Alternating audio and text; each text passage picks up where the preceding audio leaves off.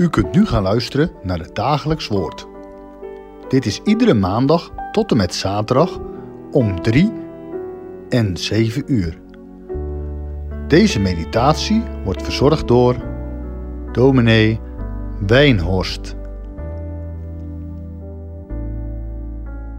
Broeders en zusters, we vervolgen de tocht van het volk Israël door de woestijn, door de Rode Zee. Exodus 14 zijn we.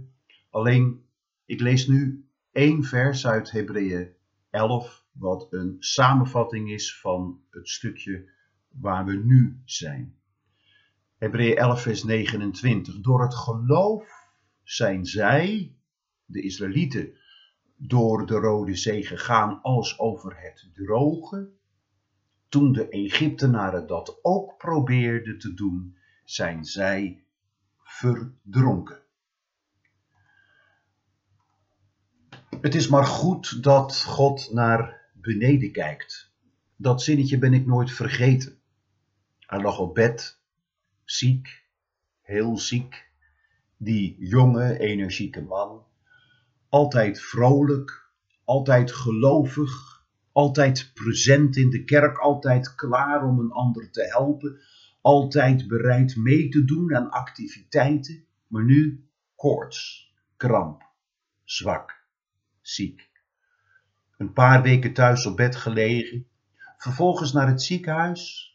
Het ging niet meer. Toen ik de zaal opkwam, herkende ik hem nauwelijks. Wat was hij mager geworden? En die gelaatskleur, zo bleek. En die ogen, zo flets. Hij lag op zijn buik. Hij keek naar de grond. Die houding waarbij hij de minste pijn voelde. Met horten en stoten kwam zijn verhaal van zijn ziekte, van zijn twijfel, van zijn angst. Ik dacht dat ik aardig wat kon hebben, maar het valt zo tegen. Ik val mezelf zo tegen. Zijn verhaal was uit. Hij wilde nog één ding zeggen. Het is maar goed dat God naar beneden kijkt. Want nu ik op mijn buik lig, kan ik niet omhoog kijken. Toen ik naar huis reed, bleef dat zinnetje naklinken als een geloofsbeleidenis. Het is maar goed dat God naar beneden kijkt. Niet in staat om naar boven te kijken. Soms lukt het je niet, letterlijk. Vaker kan je het niet, figuurlijk. Geen energie meer om je hoofd op te tillen. Geen geloof meer om met je hart gericht te zijn op God. Wat een zegen dan te weten dat er één is die naar ons omziet. Als ik niet naar boven kijk, naar God, omdat ik het vergeet, omdat ik naar een andere kant kijk, omdat ik de moed verloren heb omhoog te kijken, dan mag ik geloven, Hij kijkt naar mij. Het is maar goed dat God naar beneden kijkt. Dat geldt voor het volk Israël. Ze kijken naar voren, de zee. Ze kijken naar opzij, de rotsen. Ze kijken naar achteren, de stofwolken van het Egyptische leger. Vindt u het vreemd dat er staat, toen werden de Israëlieten zeer bevreesd en riepen tot de Heere. Nood leert bidden, zegt de volksmond. In levensgevaar wil je wel je handen vouwen, bidden, zou het. Nood leert ook vloeken. Alleen de Heilige Geest, de geest van de genade en van de gebeden, zoals Zacharia hem noemt, alleen de Heilige Geest kan ons in nood leren bidden. Er staat hier wel, ze riepen tot de Heere. Maar het is een roepen zonder enige verwachting. Het is een roepen in vertwijfeling, vol verbittering. Het is maar goed dat God naar beneden kijkt, want de Israëlieten kijken bepaald niet naar boven. Ze roepen wel tot God, maar zouden totaal geen rekening met God. En dan is de rekensom gauw gemaakt. Wie God, wie Gods leiding, wie Gods belofte niet meerekent, die rekent altijd verkeerd. Dat is vaak ook onze fout. We houden alleen maar rekening met wat onze ogen kunnen zien, wat we op onze vingers kunnen narekenen. Daar staar je je blind op, dan zie je er geen gat meer in. Stel je voor dat we Hebreeën 11, vers 29 niet hadden gelezen. Wie zou dan durven zeggen dat dit volk door het geloof door de Rode Zee is gegaan? Natuurlijk, het staat zwart op wit in Hebreeën 11. Je hoeft er geen seconde aan te twijfelen. Maar als je het reisverslag in Exodus leest, dan kom je tot heel andere gedachten. Ik lees geen letter over geloof, over vertrouwen. Integendeel, ik lees, ik lees wel over paniek, over gemopper, over ongeloof, over, over opstandigheid. Door het geloof. Is die conclusie niet wat te voorbarig, te oppervlakkig? Misschien zegt iemand, niet alle Israëlieten zijn echte Israëlieten. Dat, dat staat toch in de Bijbel, Romeinen 9, vers 6. Er is ook veel schijn, veel namaak. Misschien reageren die naam Israëlieten zo paniekerig, zo ongelovig. Maar de echte Israëlieten, die waren niet bang, niet opstandig. Dat lijkt een aardige oplossing. Maar wat staat er in, in, in Exodus 14? Toen werden de Israëlieten zeer bevreesd. De Israëlieten, allemaal, zonder onderscheid, zonder één gunstige uitzondering. Hier zie je heel duidelijk wat de Israëlieten zijn in zichzelf. Kort geleden juichen, nu klagen. Kort geleden dankbaarheid, nu opstandigheid. Zo zijn de Israëlieten. Of, of nee, laten we eerlijk in de spiegel kijken. Zo zijn we in onszelf. Hoe is het dan mogelijk dat er in Hebreeën 11 staat: door het geloof zijn zij door de Rode Zee gegaan? Als dit geen vergissing is, dan moet er iets bij de Israëlieten zijn veranderd. Dat klopt. God heeft zelf ingegrepen. Dat moet wel. Dat kan niet anders. Want er is geen sterveling, ook niet onder de Israëlieten, die zelf tot de toonhoogte van het geloof komt. God heeft zelf ingegrepen. Hoe? U wil dat graag weten omdat u ook twijfel ontdekt bij uzelf, ongeloof, omdat u daar graag vanaf wil komen. God doet dat door zijn woord, een belofte, een houvast. Moet u luisteren wat God zegt. Je verwacht een verwijtend woord, je verwacht een boze toon, maar wat, maar wat laat God bij monden van Mozes zeggen? Wees maar niet bevreesd. Zie het heil van de Heere dat Hij vandaag nog voor u zal bewerken. De Heere zal voor u strijden en u moet stil zijn. Het is maar goed dat God naar beneden kijkt. Zij vergaten naar boven te kijken. Ze dachten, God laat het afweten. En nu? Wat een houvast. Ze kunnen zelf niets doen, ze hoeven zelfs niets te doen. Ze zouden God alleen maar voor de voeten lopen. Ik moet denken aan de vader van dat jongetje Vader was in de schuur aan het zagen en timmeren, een moeilijke klus. Toen kwam dat jochie binnen. Hij wilde zijn vader wel helpen. Goed bedoeld. Maar wat kon hij nou doen? Zagen? Veel te gevaarlijk. Timmeren? Veel te moeilijk. Hij zou zijn vader alleen maar in de weg lopen. Hij kon het beter helemaal aan zijn vader overlaten. Laten wij kijken hoe deze geschiedenis afloopt. Opdat onze ja maars verstom. Opdat hopelijk ook voor ons mag gelden. Door het geloof is hij, zij, door zijn, door haar rode zee gegaan. Moet je kijken wat er gebeurt. Op Gods bevel heft Mozes zijn staf op.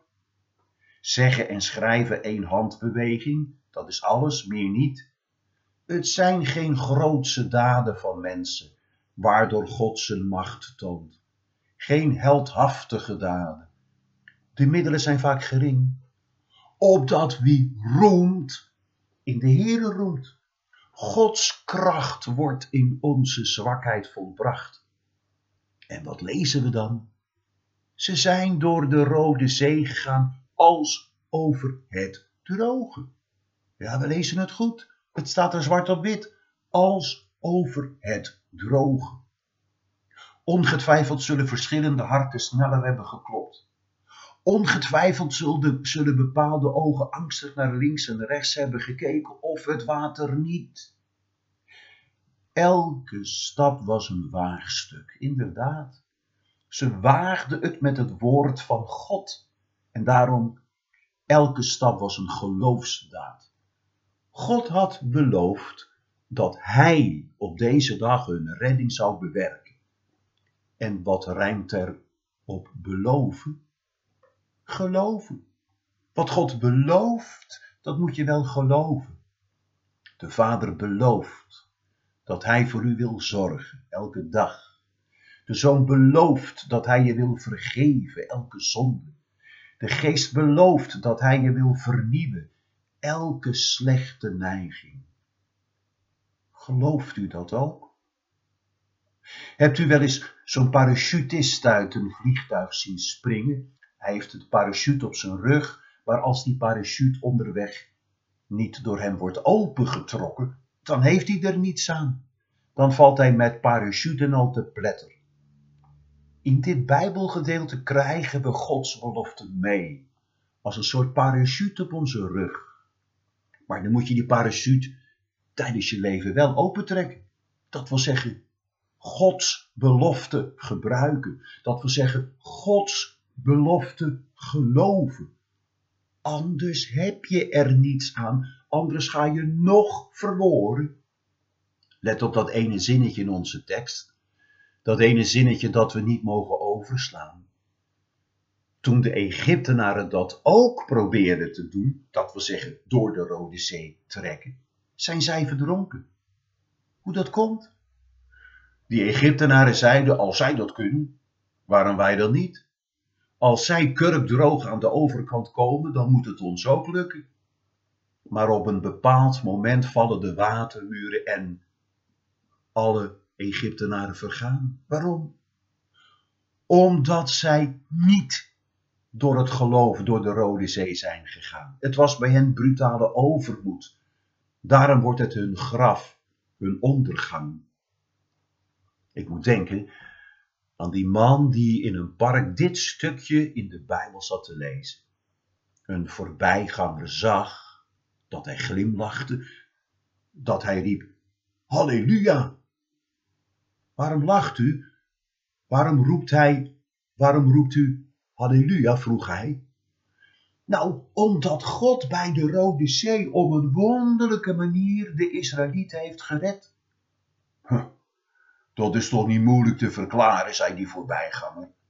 Dat, dat kan je zo uitleggen. Juist op het moment dat de Israëlieten aankwamen, lag er nog maar een dun laagje water op de bodem.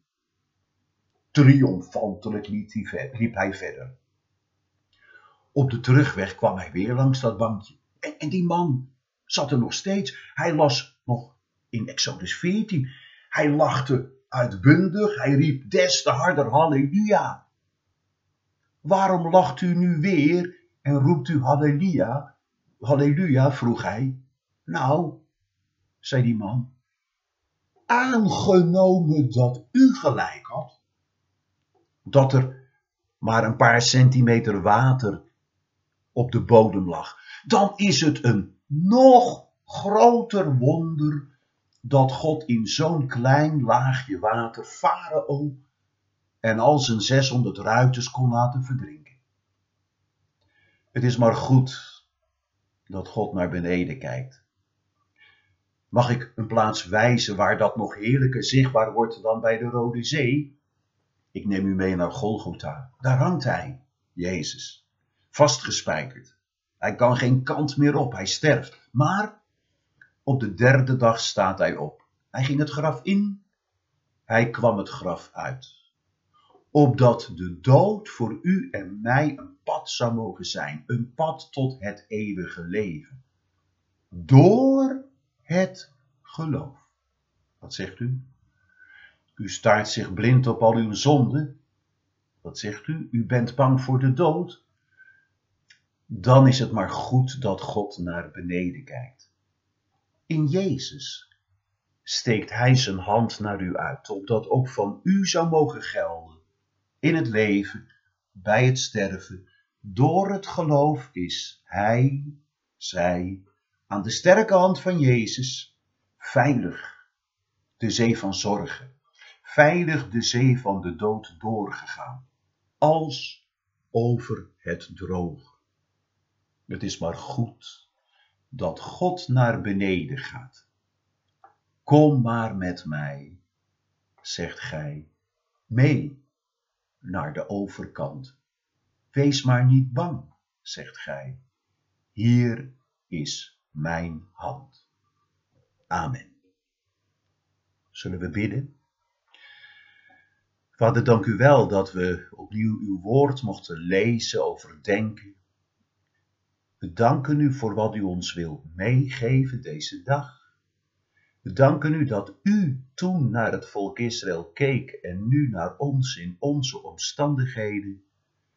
Geef dat het geloof mag worden gevoed. Voed het oud vertrouwen weder. Dank dat u uw hand uitsteekt, ook in deze tijd, met de angsten, de zorgen, de onzekerheden die, onzekerheden die we hebben. Vader, wij danken u dat uw hart voor ons klopt. Wij danken u voor uw ontfermende ogen. Wij danken u voor uw hand die u uitsteekt. Zegen ons vandaag en wees ons genadig in Jezus uw Zoon. Amen.